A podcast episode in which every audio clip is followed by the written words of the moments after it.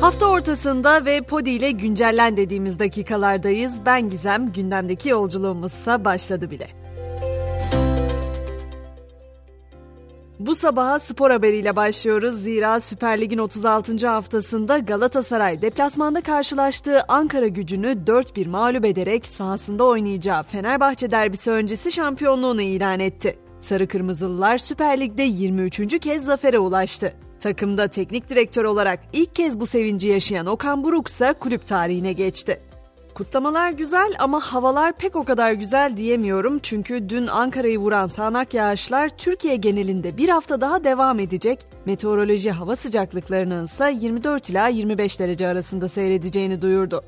Havalardan söz etmişken başkentin havasını da şöyle bir koklayalım. Cumhurbaşkanlığı kabinesi bugün saat 15.30'da toplanacak. Yeni kabine öncesi mevcut bakanların son kez katılacağı bu toplantının kabine üyelerine veda niteliğinde gerçekleştirileceği belirtiliyor.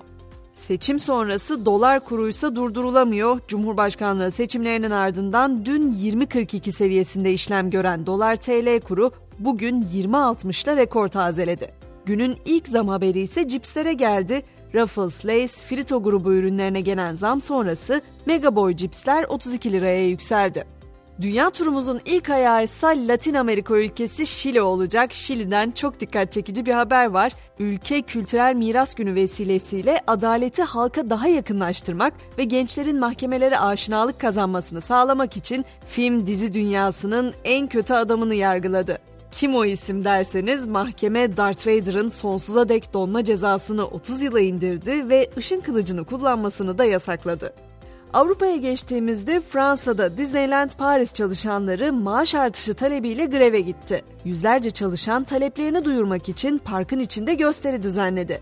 Bu arada Paris demişken Fransa'da hükümetin evsizleri Paris'te düzenlenecek 2024 olimpiyat oyunlarına gelecek turistlerden gizlemeye çalıştığı iddiası var. Buruz kasabasında bir barınma merkezi kurulacağı ve hükümetin 2024 olimpiyat oyunları için gelecek turistlerden gizlemek için Paris'in de içinde bulunduğu bölgeden gelen evsizleri yerleştireceği öne sürülüyor.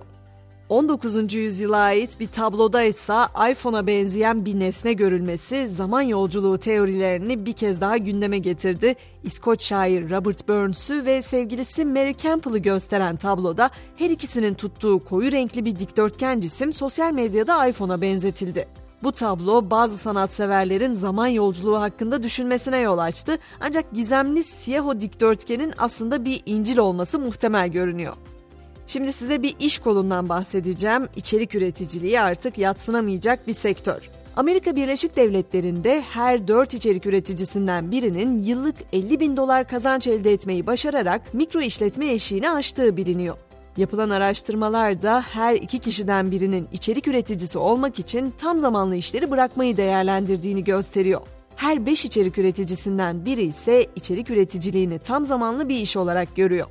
Bu tip yaratıcı işler belli ki devamlılığını sürdürecek ama yapay zekanın gözünü diktiği bazı meslekler için aynı şeyi söylemek zor gibi ChatGPT tıp testinde bir doktordan daha başarılı oldu. Kaliforniya Üniversitesi bünyesinde çalışmalarını sürdüren bir grup bilim insanı tıpla ilgili 195 soru hazırladı ve bu soruları hem ChatGPT'ye hem de gerçek bir doktora sordu.